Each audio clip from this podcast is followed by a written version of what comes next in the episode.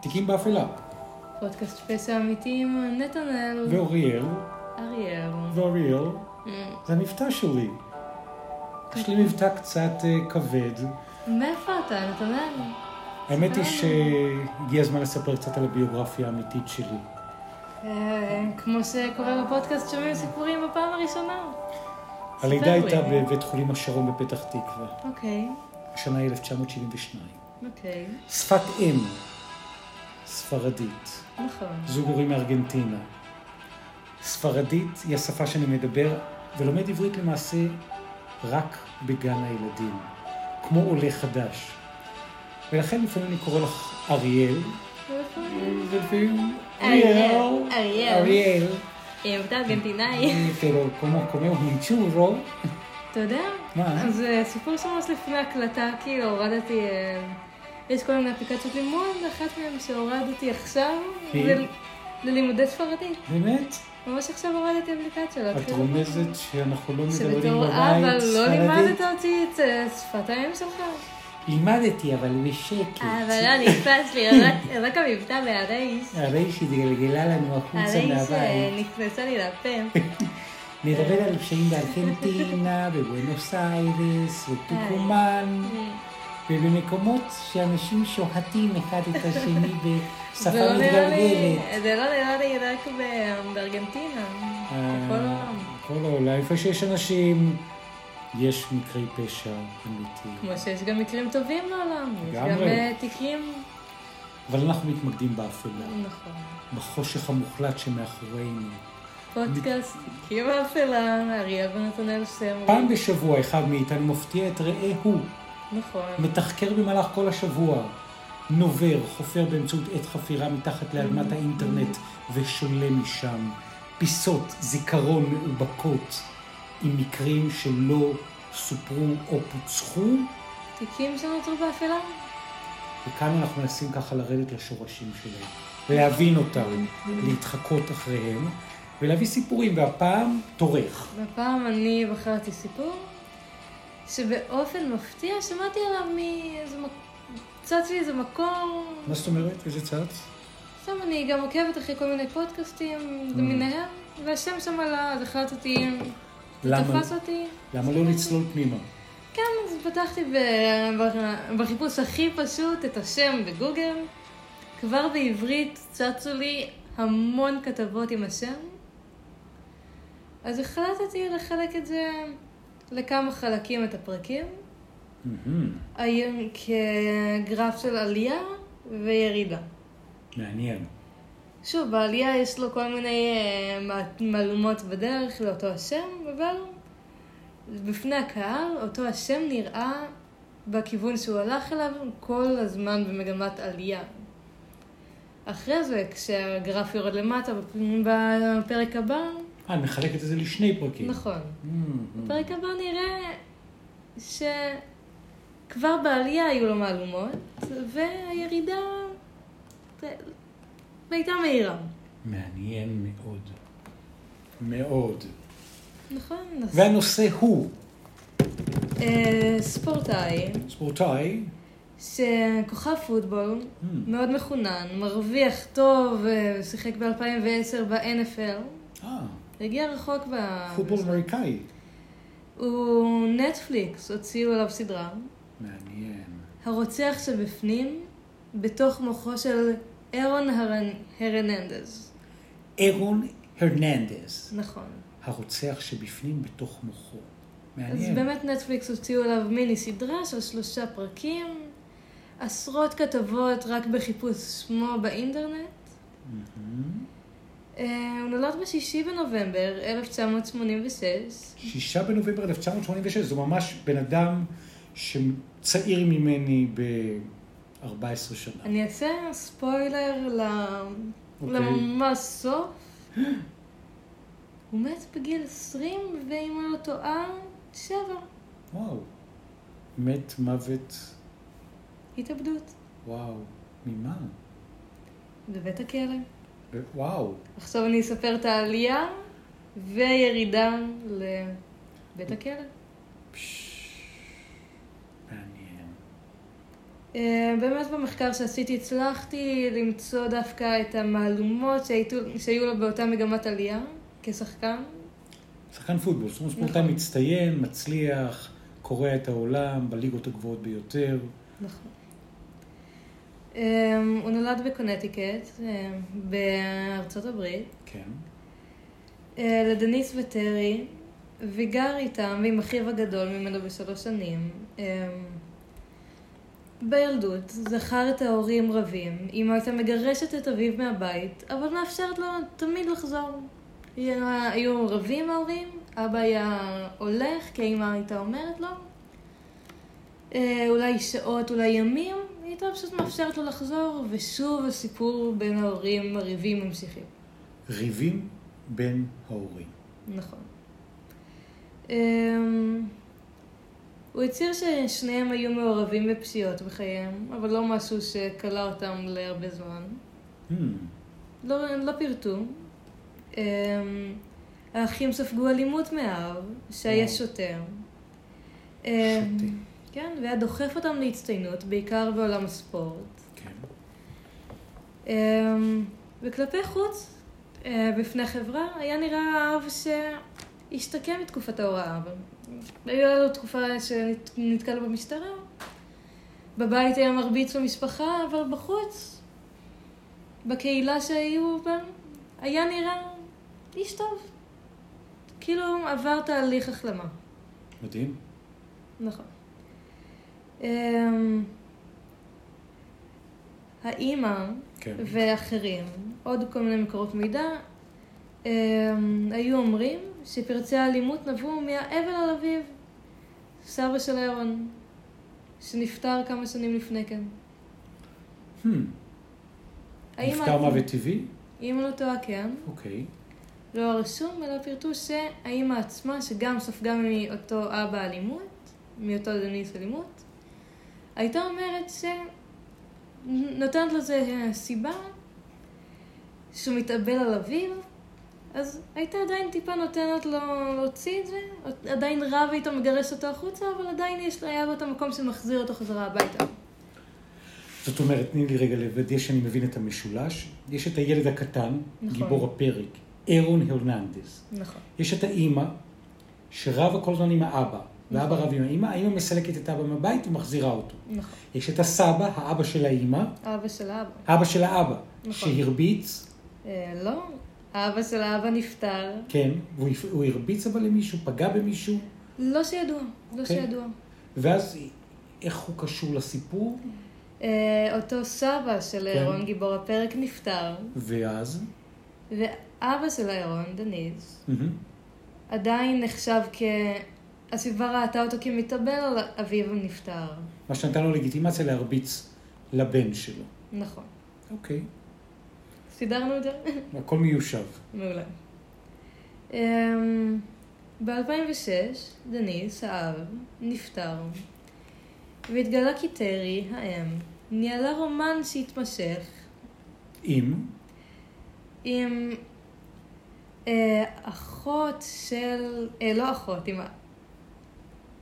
אח של... ה- זה גם מסובך, כל מיני קשרים בתוך המשפחה. לגמרי אנחנו נפתל את הכול. אח של קרוב משפחה, אח של קרוב משפחה, שאיתו ניהלה רומן. מהצד של האבא, מהצד של האבא, אם, Mm. אם אני הבנתי נכון. אוקיי, חזק. היא ניהלה רומן לקראת סוף חייו של האבא, וזה התגלה? וכשהאב נפטר התגלה הרומן שהתמשך, הם עברו לגור ביחד מיד אחרי פטירתו, אמ, והקשר של אירון ואימו התרחק, והיה קרוב לנתק. אני לא סגורה שוב על עם מי בדיוק היה רומן, אבל היה איזה סיבוך משפחתי בתוך זאת הקשרים. אומרת, זה מישהי הוא שהיה מהצד של האבא, איזה קרוב משפחה, אבא כבר, אה, שבעצם פגע בה, נכון, ופגע בו, נכון. והייתה לו בעיית שתייה. אז היא מצאה את אה, תנחומה אצל קרוב משפחה אחר. אוקיי, בתיכון, תיכון. נכון. הצטרף לקבוצת הפוטבול, הכדורסל והריצה בתיכון. מאוד ספורטיבי. נכון. אה, בקבוצת הפוטבול שיחק את ה tight end, שעם אותו תפקיד המשיך בכל הקריירה שלו. אמ, בסוף התיכון נבחר לשחקן הפוטבול של השנה, אחרי שעשה ביצועים מאוד מרשימים ושוברי שיאים. מדהים. הוא היה מקובל בתיכון, והתחיל לצאת עם ארוסתו לעתיד. אמ, שאותה הכיר כבר מבית הספר היסודי. אה, בתיכון, שוב, זה מהרגעים שנראה היה שהיה במגמת עלייה. לגמרי. אהבה, זוגיות, קשר ארוך שנים, עד משחק, פה. מצליח, הישגים. נכון? אבל במהלך תקופתו בתיכון היה מעשן בכבדות מריחואנה אה, ומרבה אה. לשתות אלכוהול. כמו אבא. נכון. אוקיי. אה, הוא סיים את התיכון יותר מסמסטר מוקדם, בגיל 17, בגלל היכולת בפוטבול. בגלל ש...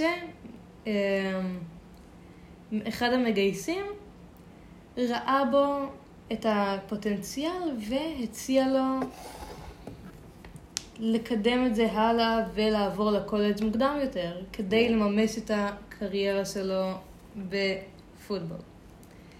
אמ, תחילה, שיחק עם אחיו באוניברסיטת אה, קונטיקט, ואז בחר לשחק באוניברסיטת פלורידה.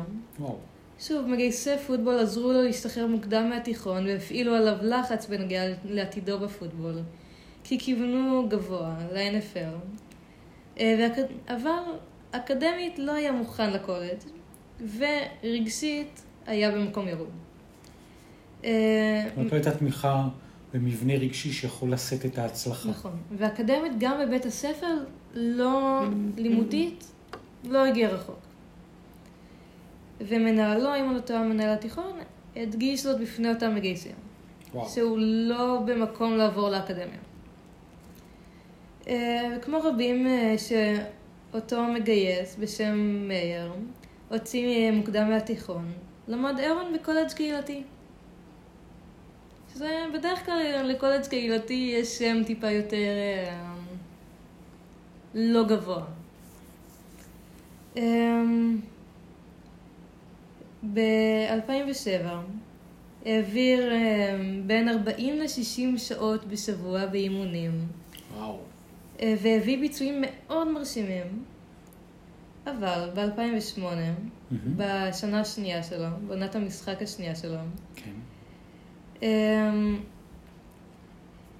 יש, הוצא על הספסל, ישב, רוב, נבחר לשבת רוב העונה בגלל בדיקת סמים שיצאה חיובית. וואו. אבל חזר לשחק במקום קורניליוס, אה, שחקן בשם קורניליוס, שנפטר. כן יצאה לו אותה בדיקה חיובית לסמים שהוציאה אותו מהמגרש, אבל חסר היה שחקן, והיו צריכים אותו. אז הוא השתחל פנימה. שוב, עלייה וירידה. כן. עלייה וירידה. בהחלט. אמ, ב-2010 נכנס ל-NFL, כן. אחרי ה-NFL דראפט, שזה מפגש בו ה-NFL בוחרים אה, שחקנים חדשים, לאחר אה, שלושה ימים, ב-NFL דראפט של 2010, אותה שנה, זה האירוע של שלושה ימים של אימונים ובחירות של שחקנים חדשים, ולאחר אה, אימון נכנס ל-NFL בגיל צעיר, אבל ממה שהובן לא היה פופולרי בקבוצה עצמה, למרות אותה פופולריות שהייתה לו בתיכון. מהמם. אמ, בחרתי לשים את החלק הזה, שזה התוכן של החלק הזה שהבאתי לפרק, של המגמ... אותה מגמת עלייה עם במפרים באמצע. לגמרי. כשבעצם את אומרת, השיא, זה- פה את רוצה לעצור בחלק הזה, פה אני חושבת שזה הרגע לעצור, כאשר בעצם תשרטטי רגע למה זו הנקודה מבחינתך, השיא כי, כי אחרי, ישר אחרי, אני חושבת שזה הפיק, שהכניסה כשאת אומרת ל-NFL, זה, הכניסה ל-NFL, המשחקים הגבוהים מאוד בפוטבול, זה השיא שהגיע אליו, והפרק אחרי יהיה אותה מגמת ירידה, ברור. מעניין. שאני רוצה להקדיש לה את הזמן. את הזמן ולהביא ושוב, אמרתי את זה בהתחלה, לנטפליקס הוציאו עליו, אה, מיני סדרה. זה אני חושבת יהיה גם טיזר לפרק הבא, כי אותה סדרה מאוד מתמקדת ב... אמ, עלייה או בירידה? בירידה, אבל עם נגיעות בשנים הקודמות שלו, אותם שנים של התיכון, אותם, אה, אותה התמכרות למריחואנה. שוב, באיזו כוונה להבין מה קרה לו, כי מאוד נוצר לו השם של אותו שחקן מצליח, כי אף אחד לא ראה מה יש מתחת. אף אחד לא צלל לעומק של אותו השחקן, כי אף אחד לא ראה, את ה- ראה מעבר. עד שזה- אותו המשפט, אני חושבת שזה באמת, כן, שזה באמת רגע לשים את הטריילר שלו, ולפחות חלקים ממנו.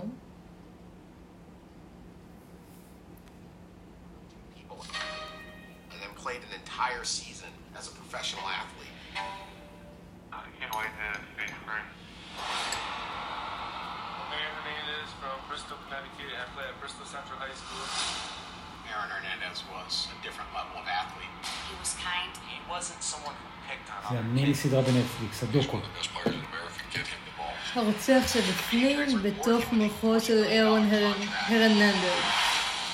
Aaron Hernandez was a ticking time bomb.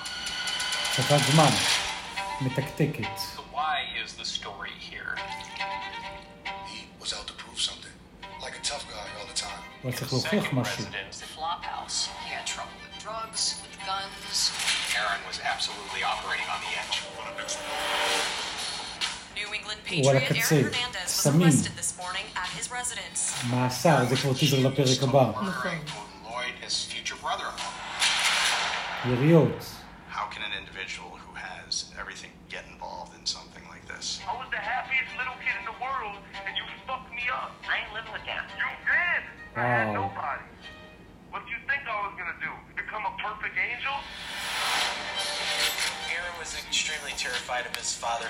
Violent outbursts were not uncommon in the Hernandez home. הילדות, הפגיעות של האבא. אני חושבת שמה שהבאנו בפרק הזה הוא הבסיס למעשים שלו בהמשך. את רוצה להשמיע עוד? מתוך הטריילר? אני חושבת שזה יחפור מאוד לפרק הבא, שאני רוצה... אה, נשמור עוד דברים. נכון, שוב, היו גם אה, קריאות מצד האח שלו, אה, יותר עדות לבייביסיטר שהטרידה את אותו אהרון מגיל שש גם, וואו. נכון? שהטרידה אותו, שבעצם האבא והאימא לא שמרו, פחות שמרו. נכון, בייביסיטר יהיה מקור ששומר. כן. חזק.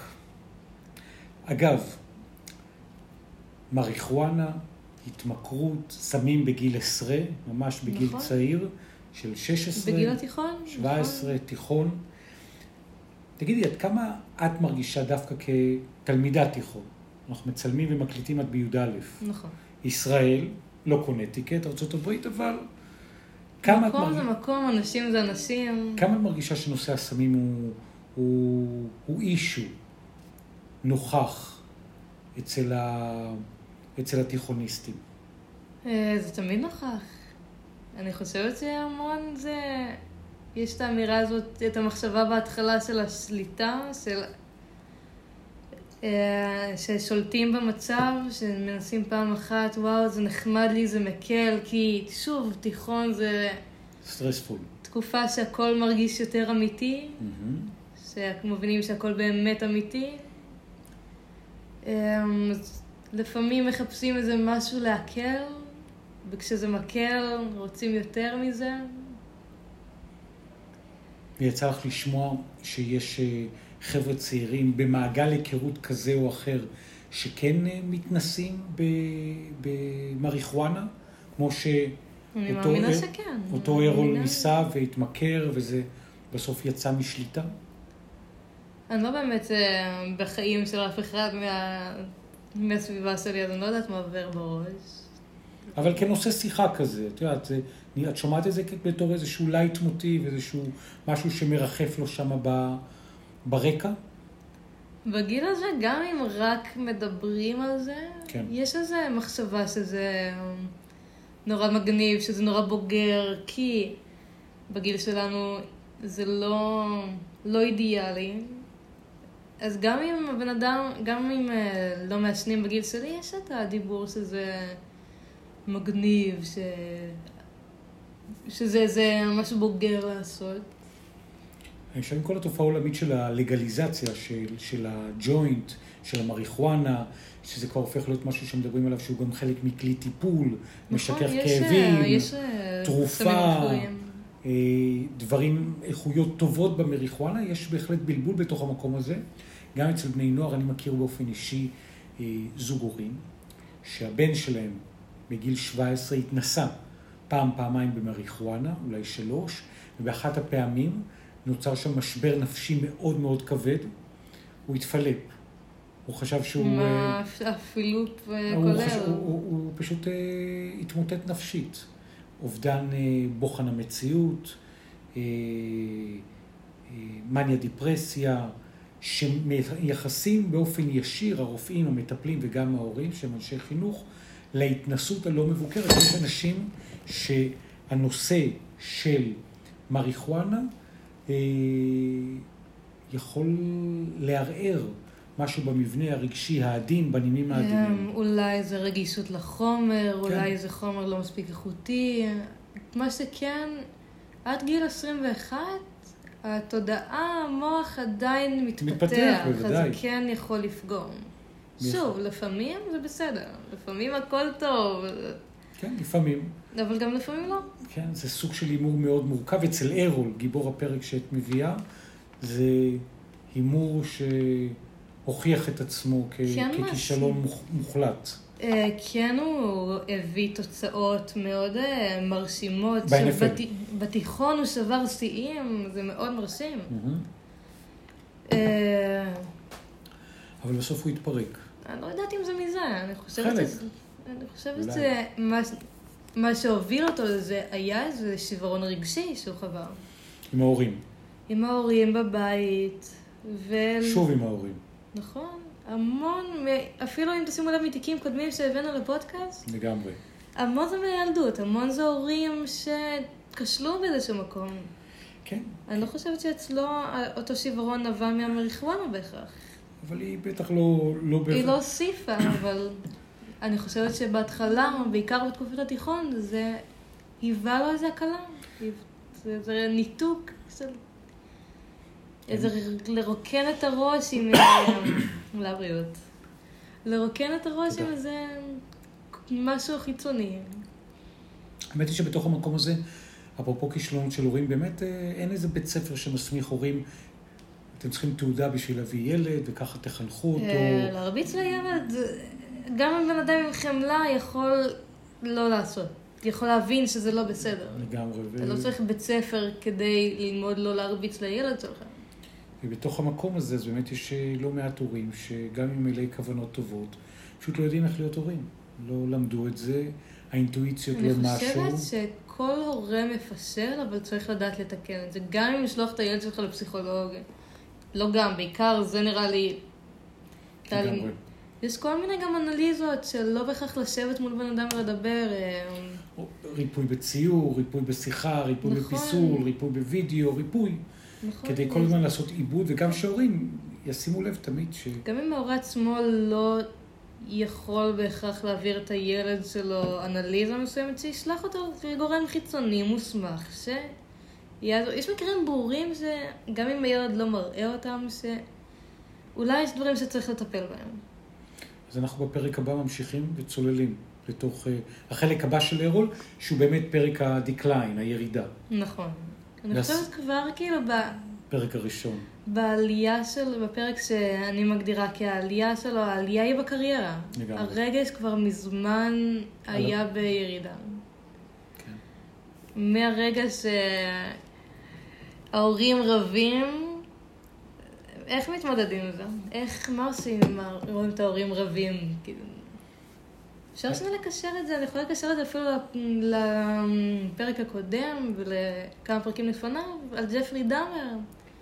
אני עכשיו מסיימת את הסדרה אה, שיצאה לא מזמן, ושוב, מראים שם מאוד יפה שההורים שלו היו רבים, ורבים מולו, ואבא שלו לא רצה להתמודד עם זה, הוא היה רואה שהילד שלו מקשיב, ופשוט שקוע בריא והולך. פשוט מניח לילד להתמודד עם זה לבד. כשהוא ילד קטן. כן, אני חושב שהורים שרבים ליד הילדים שלהם, הם אה, מהמון מבחינות זה כמו לעמוד ליד הכיור, לשטוף כוס עם מים, ואז במקום בתשומת לב לשים אותה על היבשן בעדינות, לקחת אותה ולהטיח אותה על הרצפה. ולקוות שהיא לא תישבר. ויש משהו בזה, בהורים שרבים ליד הילדים, שכשלא עושים איזה תהליך של עיבוד ליד, זה בעין, שזה פשוט אה, טעות, והורה כזה צריך לקחת על זה אחריות, ולדעת לבקש סליחה מהילד שלו ומעצמו, ופשוט לנהל את הריבים שהם לגמרי לגיטימיים, או מחוץ לבית, או כשהילד לא נמצא, או ואם באיזושהי הילד דרך. כן נמצא, לטפל בילד. כן, ממש אה, לא- להשאיר את זה פתוח, כי אז הריב אה, משאיר פשוט צלקת ענקית, הוא כאילו לוקח את הנפש של הילד, באנלוגיה לכוס, כוס הקריסטל, ושובר שם משהו. גם הורים זה המודל הראשון שהילד רואה לאנשים. נכון, למערכות יחסים. נכון? ל... להורים, לקשרים. נגיד, אימא זו האישה הראשונה שאתה רואה, אבא זה הגבר הראשון שאתה רואה, אז ככה אתה רואה שהם צריכים להתנהג. אז זה הפך להיות המודל. אני רואה את אה, אימא מתיחה כוס ברצפה, אני אעשה את זה בעצמי, לבן אדם הבא שאני רואה. זו באמת טעות מאוד גדולה. ככה הם רואים שאנשים צריכים להתנהג, ככה יש מצב ויישמו את זה על עצמם. בגלל זה המון מהפושעים הגדולים, מהתיקים שנשארו באפלה, באים מאנשים פגועים. לגמרי. אנשים שמשהו נשבר שם, הורים שלא ידעו לתפקד, לא ידעו לגונן, לא ידעו להדריך, רבו ליד הילדים, פצעו אותם, ונשארו שם צלקות לא מטופלות, ואז אה, ניסיון לכפר עליהם הוביל לדרכים מעוותות. אני חושבת שאצל אירון גם, אה, אותו מוטיב של הפרק הזה והפרק בהובלתי שאחריו, יש איזו התמקדות בלחץ, אני חושבת, של ענף הספורט גם. שמו עליו שם מאוד גדול של כוכב, של... שהוא אף צריך אחד- לעמוד בציפיות עכשיו, לספק את הסחורה. גם רק, ממה שהבנתי, רק במשפט שלו, רק ב... רק שהוכח שזה הוא, אף אחד לא העלה על דעתו שהוא הכוכב הספורטאי המצליח והמשגשג. לא יעשה דבר כזה, מה, איך זה יגיע אליו? אף אחד לא ציפה שהוא יעשה את אותם פשעים שנדבר עליהם בפרק הבא. מדהים. אז עוד לחץ ששם עליו מענף הספורט, שאולי נתמקד בו בפרק הבא. בהחלט שכן. לחשוב גם על המקום הזה, את הלחצים הפנימיים, את המקום הזה שהבית לא מגונן, וגם את המקום הזה שאנשים אה, באיזשהו רף ציפיות בקריירה, שאחר כך אה, הופך להיות במקום מצוף שמרים אותך, או אידיאל שאתה רוצה לשאוף אליו, למשקולת שקוברת אותך. אני חושבת שאצלו זה היה המון גורמים שונים. יש עוד גורם שאני יכולה להעלות בפרק הזה, נגיעה בו, אבל אני חושבת שנתמקד בו בפרק הבא. אני חושבת שאצלו נוצר איזה סיר לחץ של הילדות, של הלחץ מענף הספורט ששמו עליו, והיה דיבור על עדים שהעלו על אה, בלבול שהיה לה בנטייתו המינית למרות שנישא לאישה. כל זה בפרק הבא. נכון? תיקים באפלה, פודקאסט פשע אמיתי. אתם יכולים למצוא אותנו בפלטפורמות הפודקאסטים, ההסכתים, אה, פודקאסט אה, RSS, RSS, גוגל פודקאסט, נכון. ספוטיפיי, וגם קבוצה בפייסבוק, שאתם מוזמנים לבוא ולהצטרף אליה. יש שם מנהלת מדהימה, קוראים לה... שנינו מנהלים עכשיו. נכון. אבל יש שם... צירפתי מנ- אותך. אבל יש שם מנהלת מדהימה, קוראים לה אריאל סמריק, אני ממליץ בחום, ומי שעוזר לה בכל עניינים שהיא מבקשת ממנו. זה אני. נכון. תודה רבה לכם, תיקים באפלה. יש את עמוד האינסטגרם שלנו. ברור, שבשתי הרשתות החברתיות אתם יכולים להציע לנו נושאים שאתם רוצים לשמוע. לגמרי. פרק הבא, אתה ממשיך על ג'פרי דאמר? את מיני סדרה שהתחלנו? לא, לדעתי אנחנו נהיה בנושא הבא, מעולה. שהוא נושא מרתק, ואנחנו נחזור כמובן ועוד שבועיים אל. ידידנו, אירון הרננדז. נכון מאוד. והסיפור הדרמטי שלו. אריאל סמריק, אני רוצה להודות לך בחום. אני רוצה להודות לך ואני רוצה להודות למאזינים שלנו, אתה יודע? שעלו לנו עוקבים. ברור, אין לי שום ספק לגבי זה. אני כל כמה ימים בודקת ורואה בזמן האחרון באמת מגמת עלייה בהורדות, כי יש כל יום מספר הורדות גבוה ועולים העוקבים. לא היה לי ספק לגבי אתם זה. יכולים לעקוב אחרינו בפלטפורמות ההשמעה? ואנחנו יכולים להגיד לכם שכאשר באיזשהו שלב היוטיוב יעלה, אז אתם תדעו שהיום יצטרף אלינו גם עוקב חדש מאוד מיוחד. ש- דיוויד. שמצולם בסרט הוידאו שהוא כרגע גנוז עד למועד המתאים, והוא יצטרף אלינו. כל כולו הגיע משארם א-שייח במצרים. להגיד מי זה דיוויד? פרטים בהמשך. פסל מאץ'. תודה רבה לכם שאתם יחד איתנו, תיקים באפלה, אריאל, ונתנאל סמרי. תודה לכם.